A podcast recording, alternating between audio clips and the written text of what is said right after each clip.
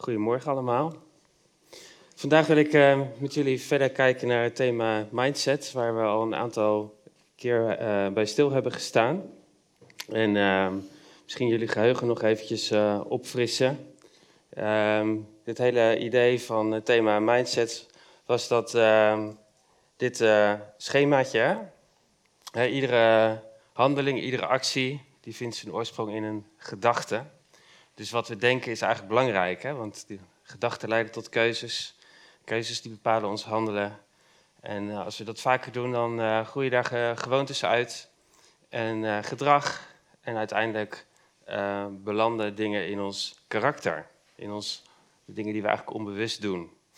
Um, dus vandaag ehm, wil ik ehm, wat focussen op vernieuwing van je innerlijke mens. We hebben eerder gekeken naar vernieuwing van denken. Um, we hebben ook uh, gekeken naar bepaalde mindsets die Paulus aankaart in de gemeente van Korinthe. Rondom uh, bepaalde uh, dualisme eigenlijk, wat, wat in die gemeente speelde.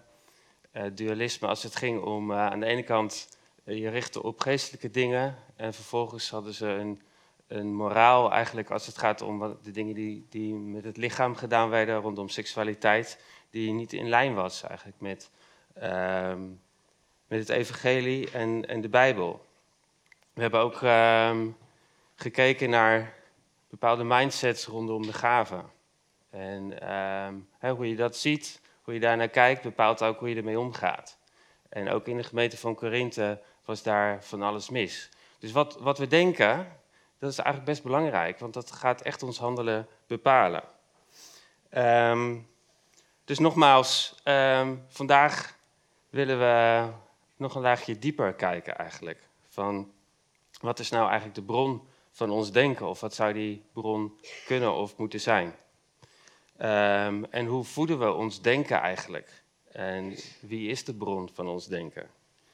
Um, ik ben wel eens benieuwd wat er met jullie, met ons, met deze gemeente zou gebeuren als wij allemaal uh, starten met Gods woorden.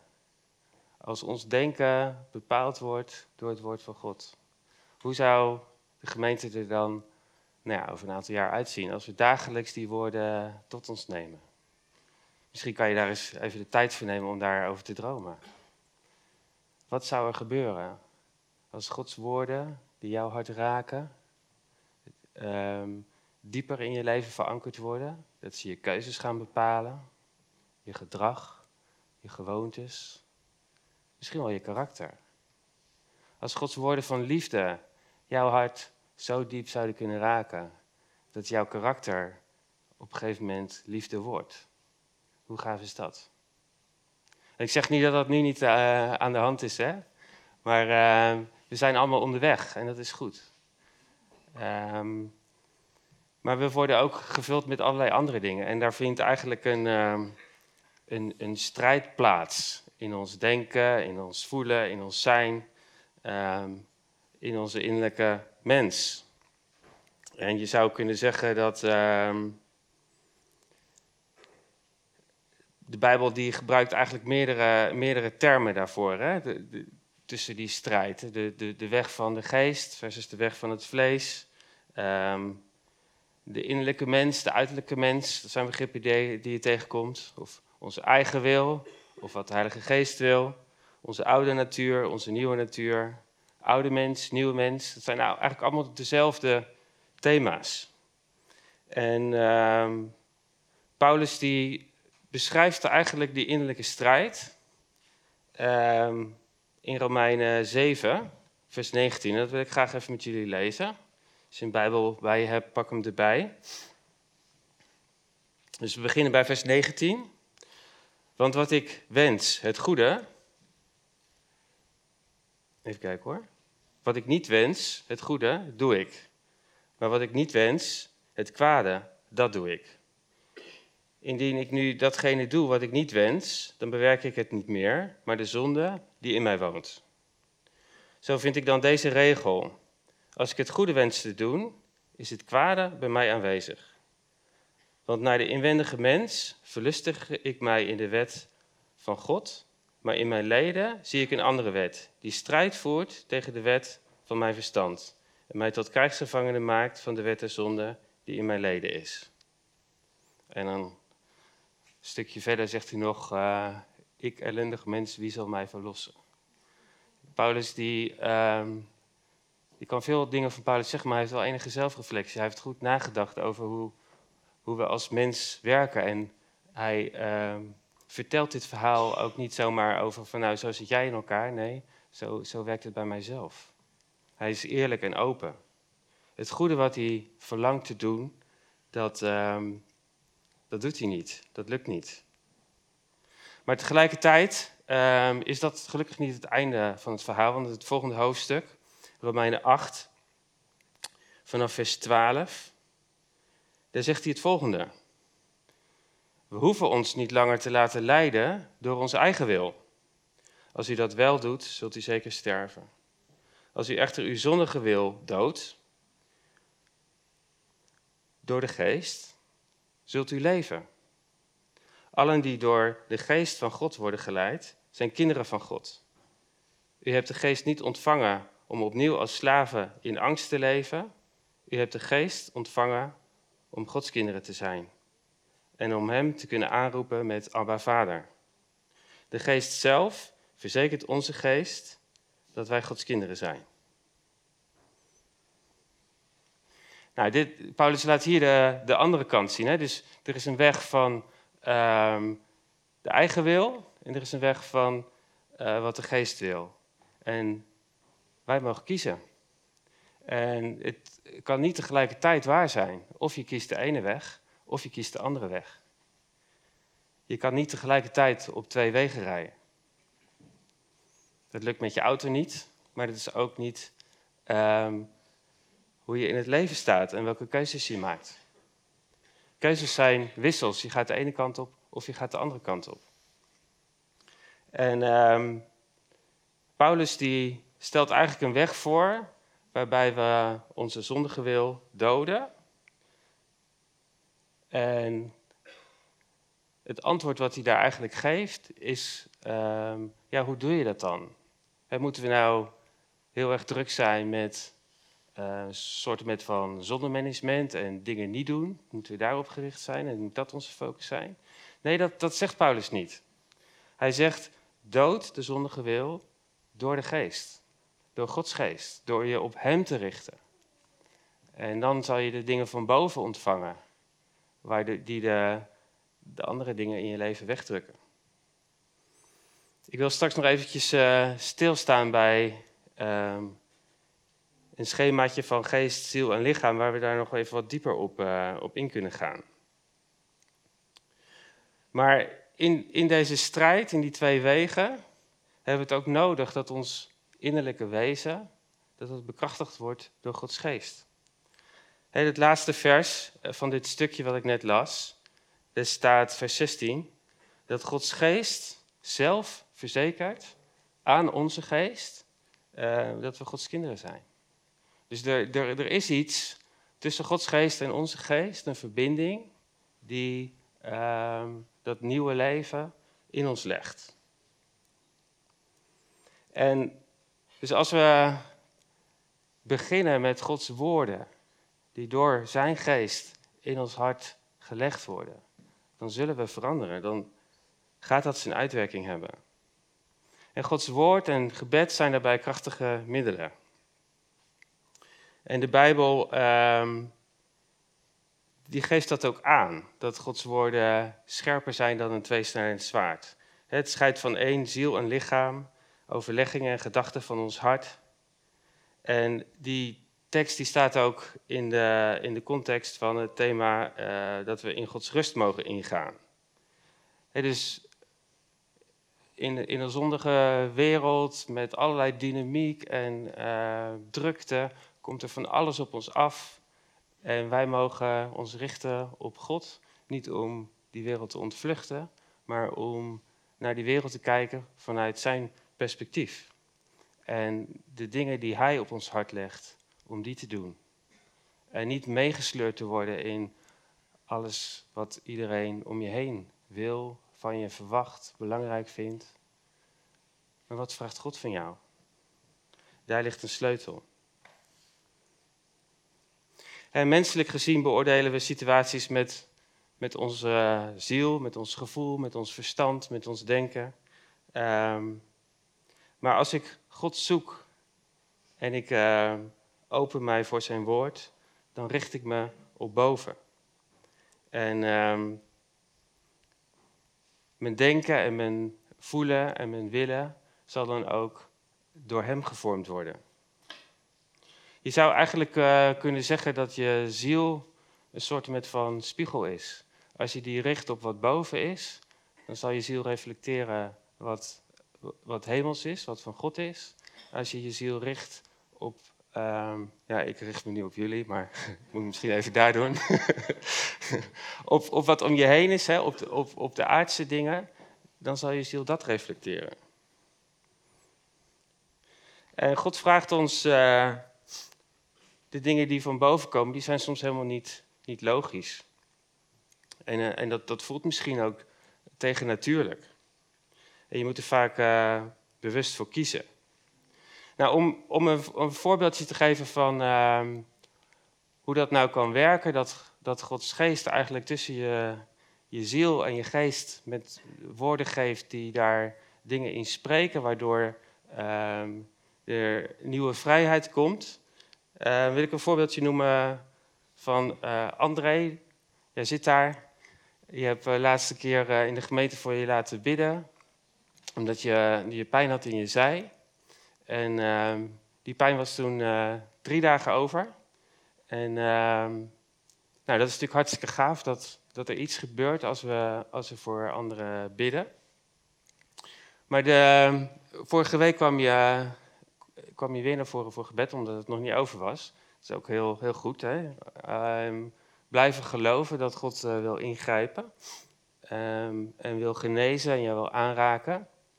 En um, toen we voor je aan het bidden waren, um, toen ging de pijn, uh, die ging een beetje heen en weer, hè, die werd heftiger. Misschien kan je zelf ook nog wel wat, uh, wat toevoegen, bedenk ik me.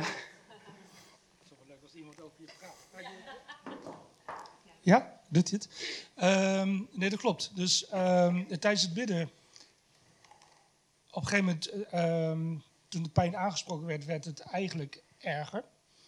Um, dus, het werd gewoon echt een stekende pijn. De, de, de pijn was ook wel pittig, dus ik, ik, gaf hem een cijfer 8 ook wel in, in het weekend. Um, tot het moment dat Bram op een gegeven moment vroeg van, uh, is er nog iemand die je moet vergeven? En ik kreeg echt direct een naam, en waarvan ik dacht van, nou ja, volgens mij heb ik hem al wel vergeven. Maar toch, weet je, dan, um, die naam was gewoon je denkt nooit aan die persoon en dan ineens is die naam er. Dus dan is het wel vrij duidelijk waar God heen wil.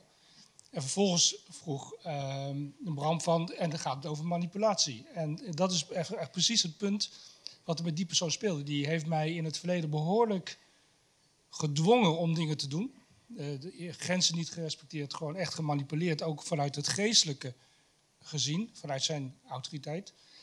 En dat, uh, ja, daar, daar moest waarschijnlijk nog vergeving over. Dus ik heb dat vergeven.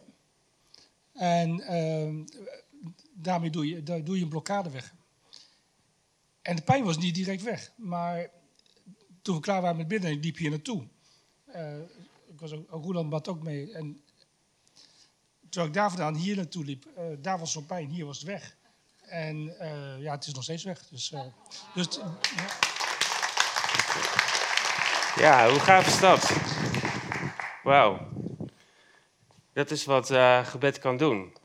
En het, het, God gaf een woord allereerst uh, aan André, hè, die, die naam van, uh, van die man die hij mocht vergeven. Dat van alle mensen die André in zijn leven tegengekomen is, waarom precies deze ene persoon? Hè? terwijl je eigenlijk gewoon voor een lichamelijke pijn liet bidden, weet je wel? Dus dat, dat is volledig out of the box. Um, en God uh, liet mij uh, zien, uh, dat, dat, woord manipulatie. Dat was gewoon even één, één flits, manipulatie. En ik vroeg het en het klikte. En toen zijn we daarvoor gaan bidden. En manipulatie verbroken.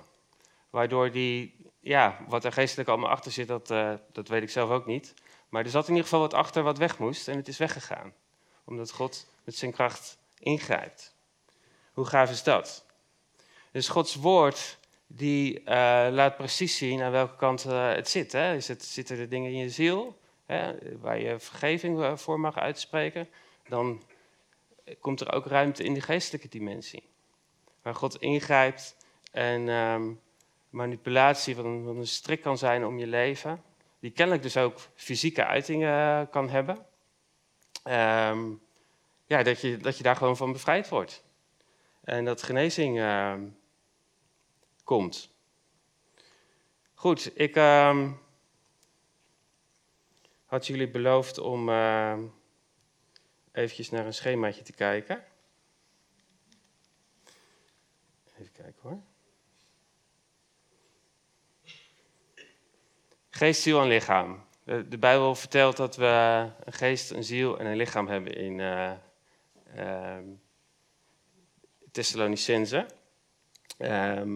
er zijn natuurlijk me meerdere schemaatjes te maken. Je hebt ook uh, je denken, willen, voelen, dat zit in je ziel. En je hart en je geheugen. Nou, ik probeer het even simpel te houden.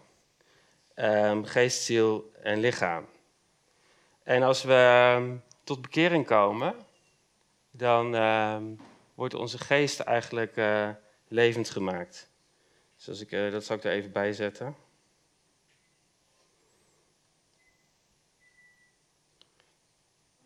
Even kijken of hij het nou ook doet.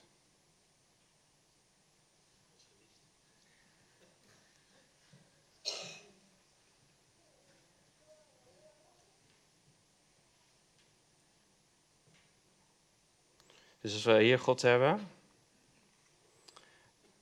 dan is uh, de situatie uh, voor onze bekering is dat, dat het hier geblokt is. Hè? Zijn onverbonden met God.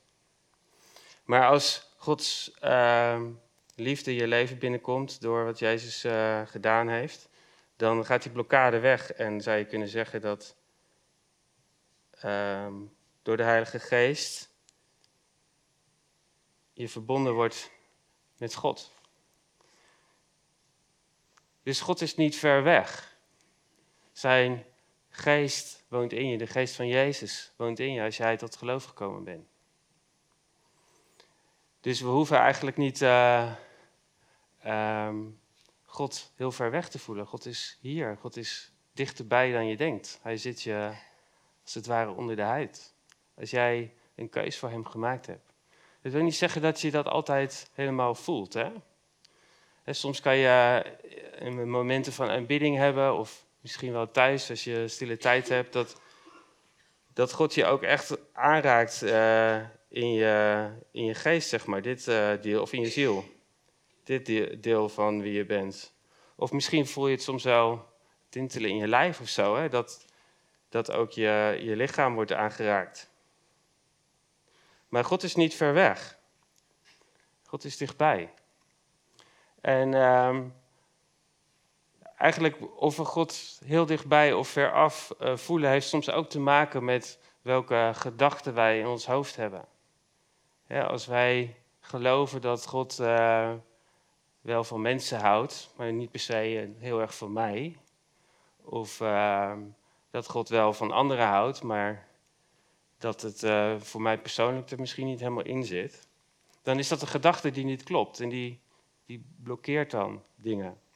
Maar Gods woord kan juist hier zo op, op, dit, op dit vlak dingen spreken, waardoor je meer van Gods geest uh, kan ervaren. Um, en God wil ons zegenen in wie we zijn. God wil verbonden zijn met onze geest. En alles wat Hij voor ons klaar heeft liggen, wil Hij ons geven. En ik wil graag uh, ja, daar met elkaar uh, naar kijken vandaag. Er zijn zoveel teksten in, in, de, in de Bijbel die gaan over het, het versterken van de innerlijke mens, het bekrachtigen van de innerlijke mens. We zien dat, dat Paulus uh, daarvoor bidt. We zien dat, uh, dat Jezus daarvoor bidt. En ehm, kennelijk doen zowel Jezus als Paulus dat, omdat God weet dat we dat nodig hebben. Er komt, uh, er komt van alles uh, op ons af, hè? Van, vanuit de wereld. Nou, daar, daar, zijn goede dingen, maar er zijn ook, uh, de zonde komt daar ook vandaan. Hey, andere mensen. stel dat een kind uh, op school gepest wordt. Die, die krijgt allerlei woorden die iets zeggen over wie die persoon is. Wie, wie dat kind, hoe het kind gezien wordt door anderen. Maar is dat waar? Een gezonde ouder die zal, die zal daar zeg maar waarheid tegenover zetten. En een kind wat gelooft, hè, die kan hier ook waarheid ontvangen. Kunnen jullie nog wel lezen, hè? Um, dus dat is een soort antigif. Maar voortdurend wordt er, uh, wordt er eigenlijk allerlei invloeden op ons systeem uitgeoefend. En Gods beloften, die zijn er om, um, om te ontvangen als een tegengif tegen alles wat op je afkomt. Maar op een bepaalde manier werken die alleen als je ook uh, besluit om te geloven dat ze waar zijn. En daar, uh, daarin mogen we vanuit onze ziel een keus maken om uh, te kiezen voor de dingen die uh, boven zijn. En in Filippenzen staat dat, dat we uh, denken aan de dingen die, die boven zijn. Alles wat goed is en alles wat, wat edel is, alles wat van God komt. Dus ergens worden wij uitgedaagd om daar steeds opnieuw voor te kiezen en, on, en ons denken te laten vormen, onze voelen te laten vormen um, door God. Nou, daar kunnen we natuurlijk heel veel over uh, praten, maar we kunnen ook um, daar met elkaar voor gaan bidden. En dat is eigenlijk wat ik nu wil doen. Ik heb een aantal uh, Bijbelteksten die uh, eigenlijk gebeden zijn van Paulus, van Jezus, um, voor hun leerlingen, voor hun volgelingen. En dat zijn hele krachtige um, gebeden. En die wil ik over jullie uitbidden. En ik zou willen vragen of jullie uh, zeg maar tweetallen willen vormen. Um, en dat je dan dat soort dingen ook over elkaar uitbidt. Dus misschien als je getrouwd bent, zoek je even iemand anders op. En dan kan je, hè, thuis kan je dat zelf natuurlijk nog wel een keertje doen. Maar zoek, zoek even iemand op um, en, en vorm een tweetal. Dan gaan we, dan gaan we daarvoor bidden.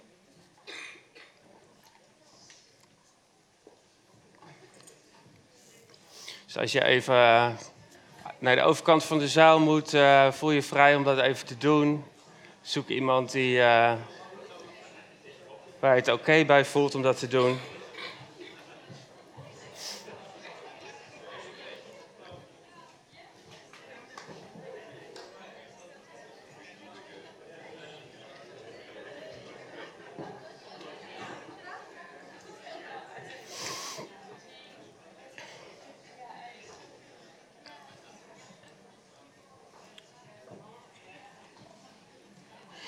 Wat we eigenlijk uh, gaan doen is. Uh, ik bedoel, iedereen heeft wel een mobieltje bij zich. Die van mij uh, die was vanochtend leeg. En de uitlekschakelaar die was geknapt, dus hij was niet opgeladen. Nou, de telefoon die heeft hardware, hè? dat is fysiek. Ehm, er staat ook software op. Ehm, de hardware is misschien, zou je kunnen vergelijken met je lichaam. De software, dat is je ziel. Maar uh, de, je geest, verbonden met, uh, met de Heilige Geest, is, uh, is de, de stroom. Dus we gaan eh, vandaag kiezen om verbonden te zijn met de Heilige Geest. En ons laten opladen door Hem. Dat is een beetje het idee. Goed. Laten we de Heilige Geest uitnodigen. Heeft iedereen iemand gevonden? En anders dan wil ik je wel helpen. Vader, dank u wel voor wie u bent. Dank u wel voor uw genade. En kom, Heilige Geest. We kiezen ervoor om, om ons met ons hele wezen op U te richten. In Jezus' naam. Goed, die eerste tekst is een gedeelte uit uh, Efeze 3. En die uh, zal ik in gedeelte lezen en daar steeds een gebed uithalen. Mogen Hij vanuit zijn rijke luister uw innerlijke wezen kracht en sterkte schenken door zijn geest. Dus Vader, geef ons innerlijke wezen uh, uw kracht en uw sterkte.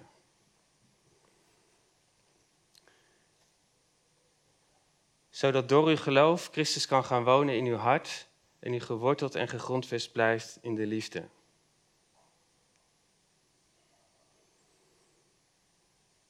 Vader, laat Christus wonen in ons hart. Laat mij geworteld en gegrondvest zijn in uw liefde.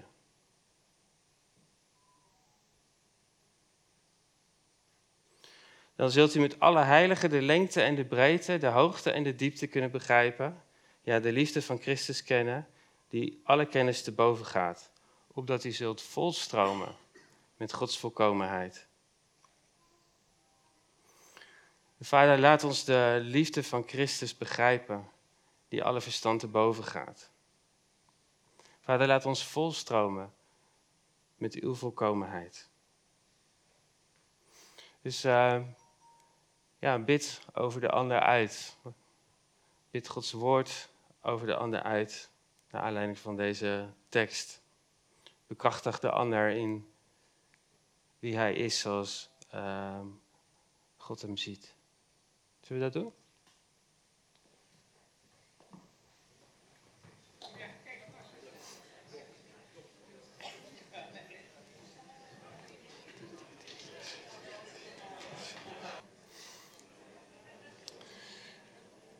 Goed, nog een paar ogenblikken en dan gaan we naar het gebed van Jezus kijken.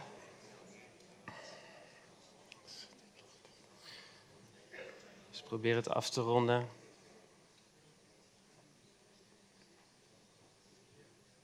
Misschien kan je Johannes 17 er even bijpakken.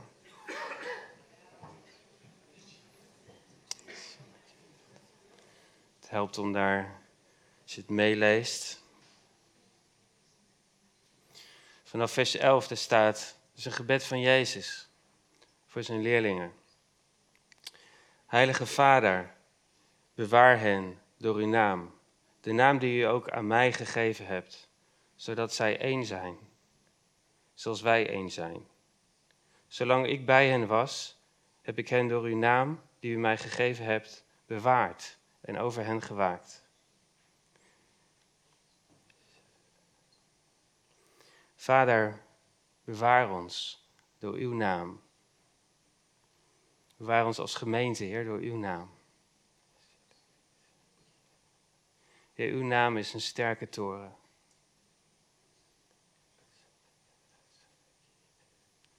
vanaf vers 13 zegt Jezus, nu kom ik naar u toe.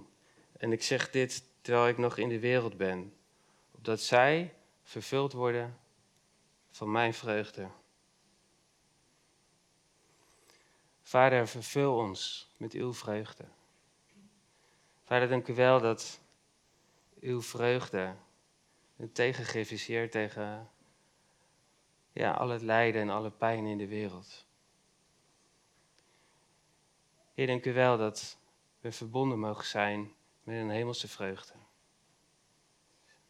Zegen ons, ons als gemeente met uw vreugde, Heer.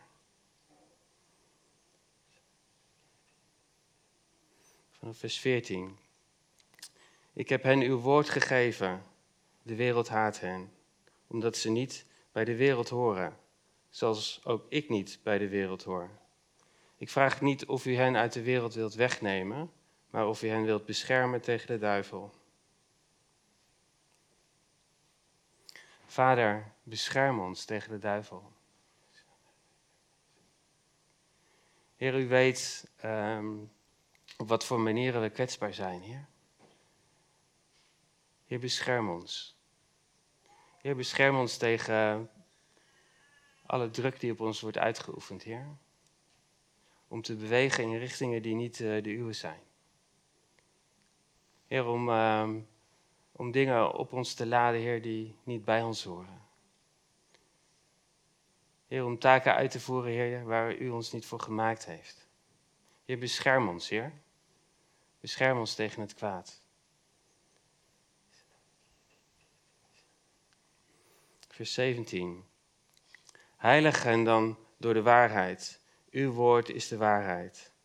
Ik zend hen naar de wereld, zoals u mij naar de wereld hebt gezonden. Ik heb mij geheiligd omwille van hen.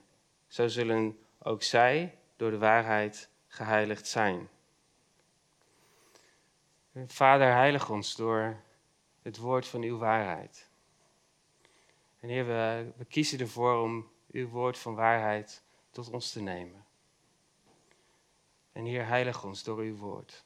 Mag uw woord ons schoonmaken. Mag uw woord um, ja, dingen in ons hart rechtzetten. In onze geest, in onze ziel, in ons lichaam. Heer, dank u wel dat uw woord krachtig is, Heer. Dat, dat uw woord bevrijding brengt. Heer, uw waarheid maakt vrij.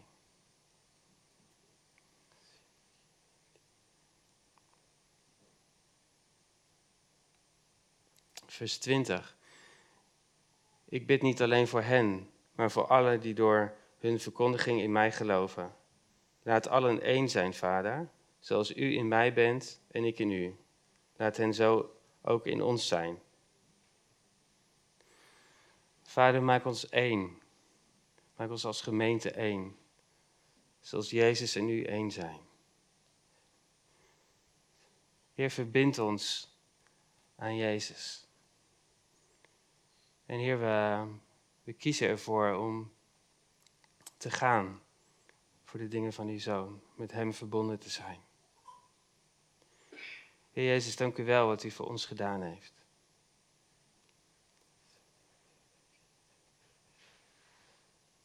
Vers 21. Omdat de wereld gelooft dat u mij hebt gezonden. Ik heb hen laten delen in de grootheid die u mij gegeven hebt opdat zij één zijn zoals wij. Ik in hen en u in mij. Dan zullen zij volkomen één zijn en zal de wereld begrijpen dat u mij hebt gezonden. En dat u hen lief had zoals u mij heeft liefgehad. Vader, maak ons volkomen één, zodat de wereld zal zien en geloven wie u bent.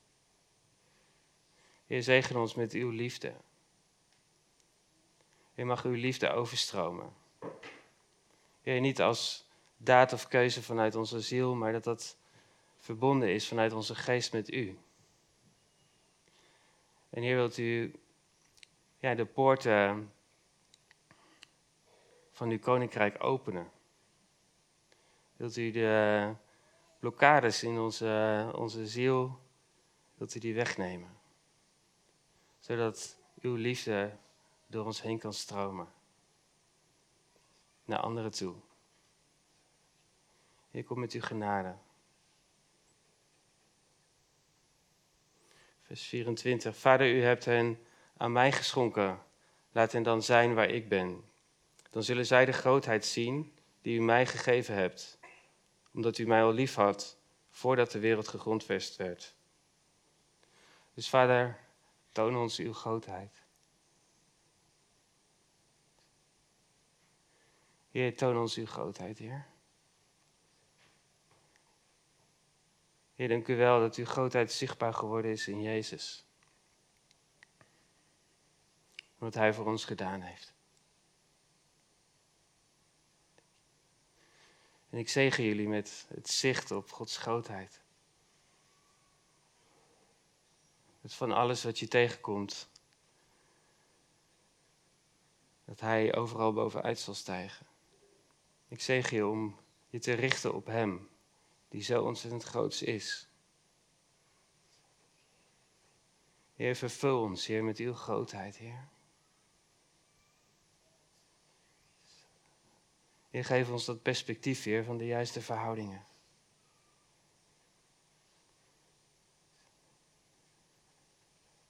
Heer, zet ons recht in relatie met U, Heer. Wij zullen kleiner worden en u zult groter worden. Toon ons uw grootheid, Heer.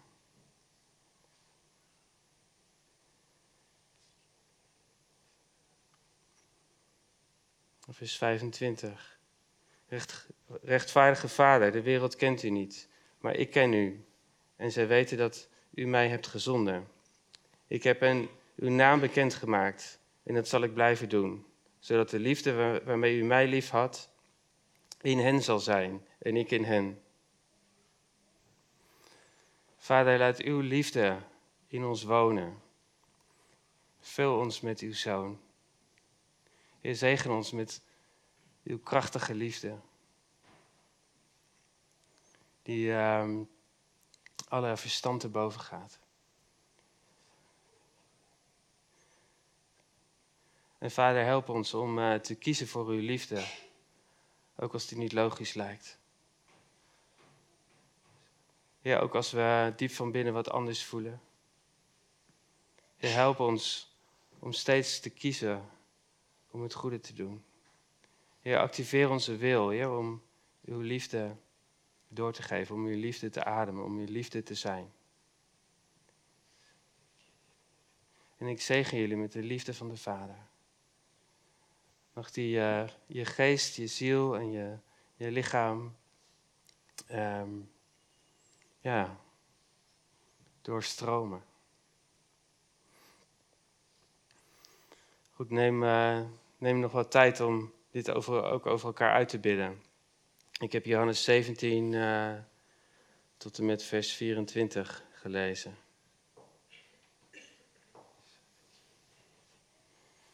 Zegen elkaar.